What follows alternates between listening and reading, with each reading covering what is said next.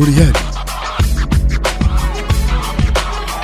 على فكرة هذا مرادي مدينة تدمر أقدم المدن التاريخية في العالم. تقع تدمر وسط سوريا بريف حمص. قبل قرابة العشرة أي أشهر كانت بيد نظام الأسد ثم أصبحت بيد تنظيم الدولة.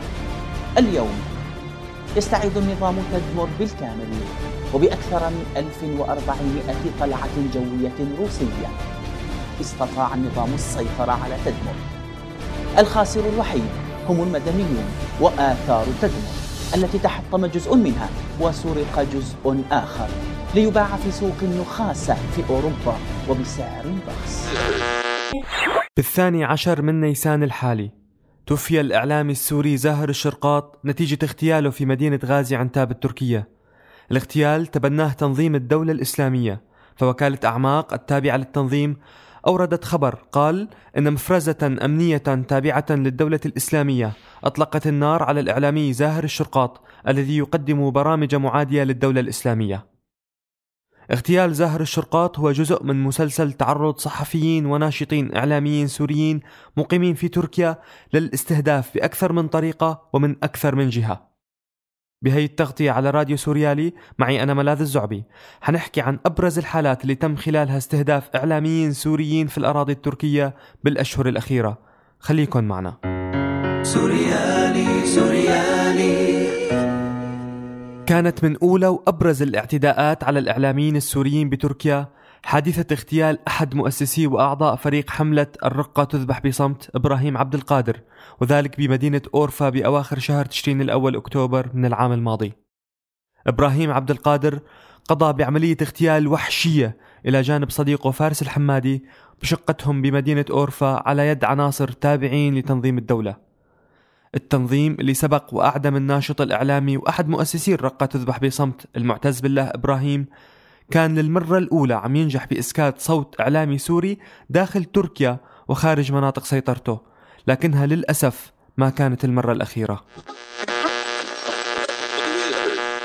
بتاريخ 27 12 من العام الفائت تم اغتيال الإعلامي السوري ناجي الجرف بمسدس كاتم للصوت بمدينة غازي عنتاب. الجرف كان رئيس تحرير مجلة حنطة الشهرية ومدير مؤسسة بصمة سوريا وقام أيضا بتدريب عدد كبير من الناشطين الإعلاميين داخل وخارج سوريا. ناجي الجرف قام أيضا بإعداد وإخراج فيلم داعش في حلب الفيلم اللي ركز على توثيق انتهاكات تنظيم الدولة الإسلامية منذ دخوله إلى مدينة حلب حتى خروجه منها. بما في ذلك حوادث اعتقال واختطاف النشطاء الإعلاميين والسلميين والمجازر التي قام بها التنظيم في المدينة. من هذا الفيلم. اخترنا لكم جزء من مقدمته. مسعفون إعلاميون متظاهرون. أصحاب كلمة بيضاء.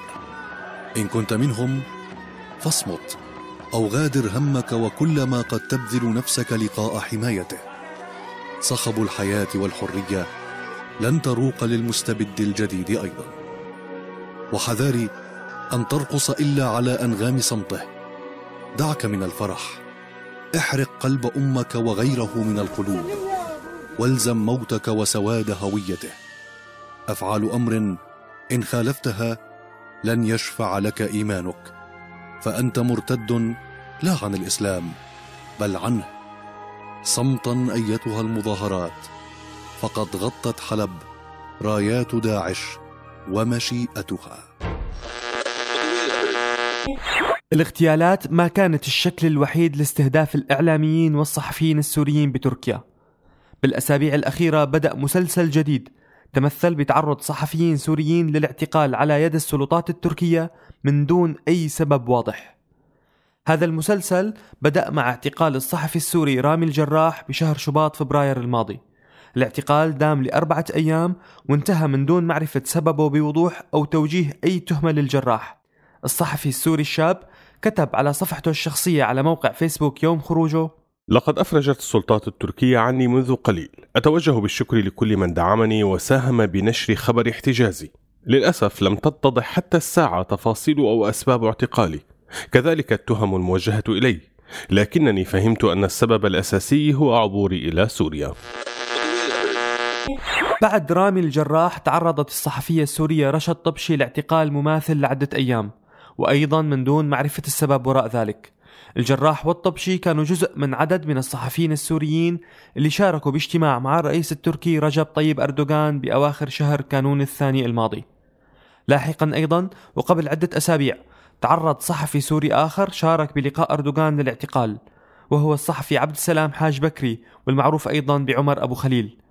لكن بهذه المرة الاعتقال ما كان قصير الأمد بل استمر لمدة 23 يوم. ولنعرف أكثر حيثيات الاعتقال اتصلنا بعبد السلام حاج بكري أو عمر أبو خليل ليحكي لنا أكثر بعض التفاصيل. أستاذ عبد السلام تعرضت للاعتقال في العشرين من شهر آذار الفائت. هل من الممكن أن نعرف بداية الجهة التي اعتقلت عندها وأسباب الاعتقال؟ تحية لك صديقي. الاعتقال تم بتاريخ 20 الشهر الماضي مثل ما حكيت حضرتك. أنا كنت عم براجع دائرة الهجرة والجوازات لأمر يخص الكملك أو بطاقة الآفاد التي تمنحها تركيا للضيوف السوريين في تركيا وبدون نعم.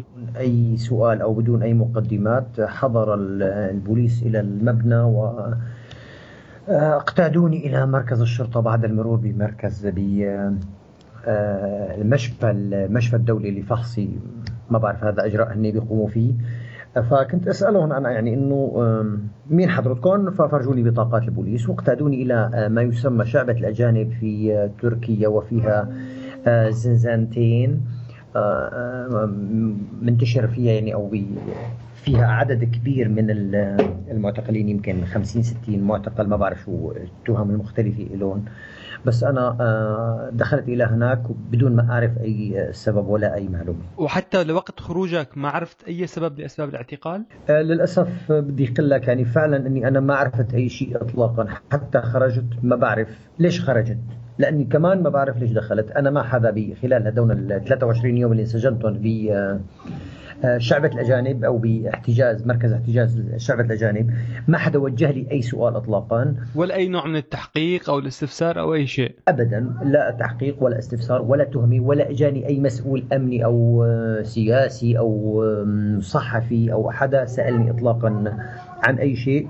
دخلت وطلعت بدون ما أتكلم بدون ما حدا يكلمني عن أي سبب آه، أو عن أي معلومة حول سبب وجودي في في هذا المعتقل. وحتى اللحظة أنا ما بعرف شيء رسمي آه، أو مثبت يعني.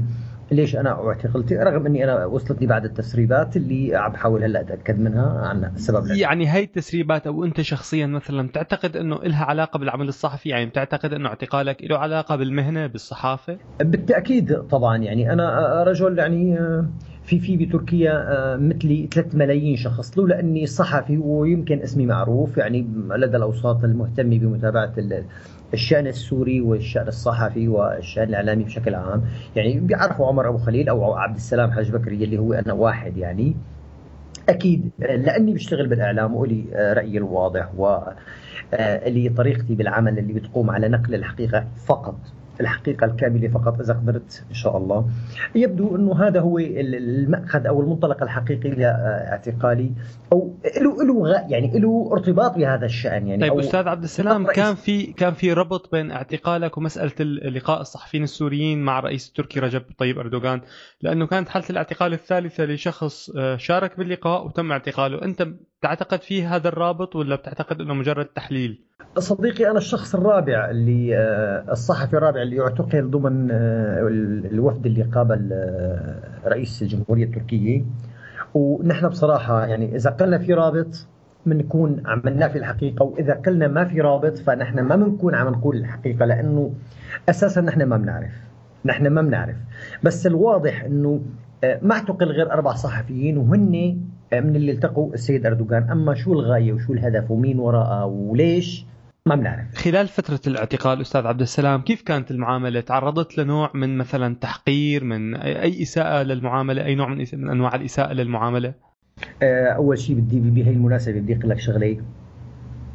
أنا بوجه تحية وإجلال وإكبار وتقدير خلينا نحكيها ولو بطريقة النظام. لا لا المعتقلين السوريين الصامدين في سجون النظام. لما يعانونه من من من قهر وتعذيب و و و و يصل إلى حد الموت وأنا لدي أقرباء أيضا. استشهدوا في تحت التعذيب في المعتقلات. الله طبعا ساعة شكرا لك. يعني ساعة اعتقال لدى النظام تعادل عشرات السنين من الاعتقال. بالتأكيد أستاذ عبد السلام لكن أنا فقط عم بسألك يعني عن الحالة بالسجون التركية أو ليس بالسجون التركية بشكل عام أنا فقط أسألك عن حالتك الشخصية. أنت خلال فترة الاعتقال آه، تعرضت لنوع من أنواع الإساءة للمعاملة؟ هل كان مسموح مثلا التواصل مع العالم الخارجي؟ آه، اطلاقا آه، بدنا نحكي للحقيقة والتاريخ. أنا اعتقلت بدون سبب أنا أسجل هي الملاحظة على تركيا يعني أو بالاحرى ما بعرف السبب يعني بس المعاملة كانت جيدة وما كان في أي نقص وكانت يسمحوا بزيارة الأصدقاء و لا الأصدقاء لا عفوا. أخي كان يزورني وزوجتي كانت أفراد العائلة يعني. طبعا اللي بيتطابقوا معي بالكنية يعني. ومسموح إني يدخلوا لي أي شيء بدي إياه باستثناء طبعا وسائل الاتصال طبعا. انتر يعني آه، كمبيوتر أو أو مثلا موبايل نعم. أو الموبايل حتى آه، طبعا القلم منعوني منه. هي هي كانت واضحة. أنا منعوني دخل القلم يعني معي وما سمحوا لي حتى زوجتي تجيب لي قلم أو أخي يعني. وصار اتصال شوي على العالم الخارجي بس لا يعني كنت على اتصال عبر على مع العالم الخارجي عبر زوجتي وأطفالي وشقيقي اللي كان يزورني في السجن دائما. سؤال أخير أستاذ عبد السلام. كان في أي جهة حقوقية أو مثلا هيئة مدافعة عن حرية التعبير أو حتى هيئة سورية رسمية أو غير رسمية تواصلت معك أو حاولت مثلا تدافع عنك أو عرفت لاحقا أنها حاولت تعمل شيء وأنت جوا المعتقل؟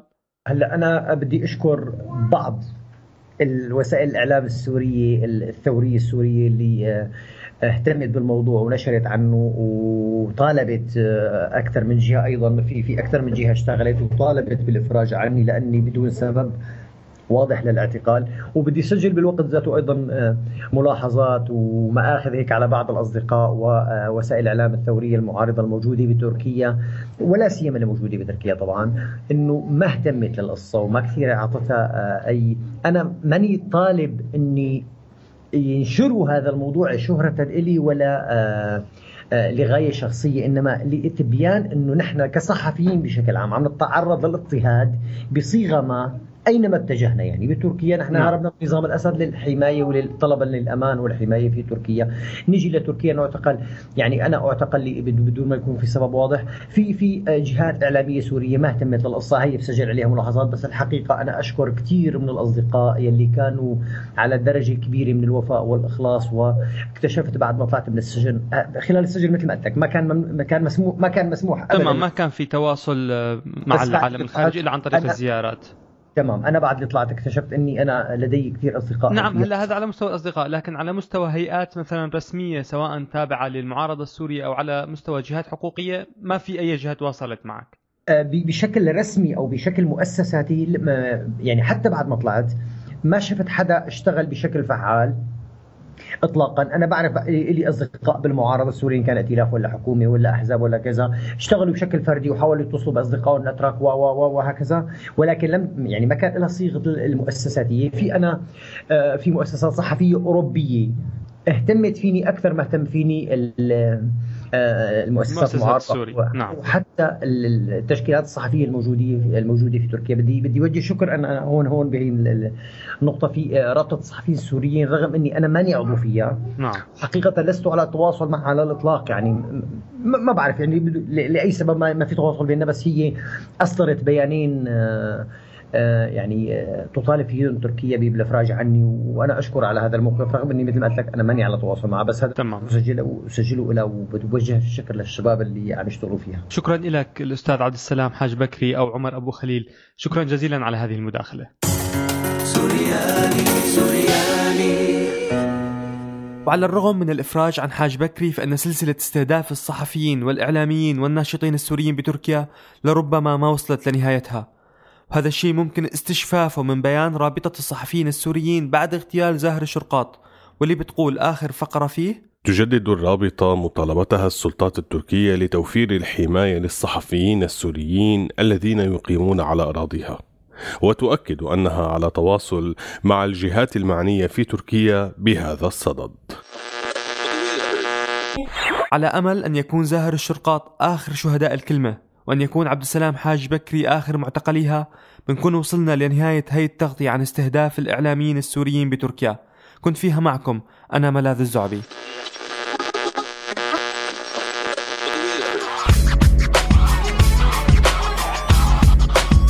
راديو سوريالي.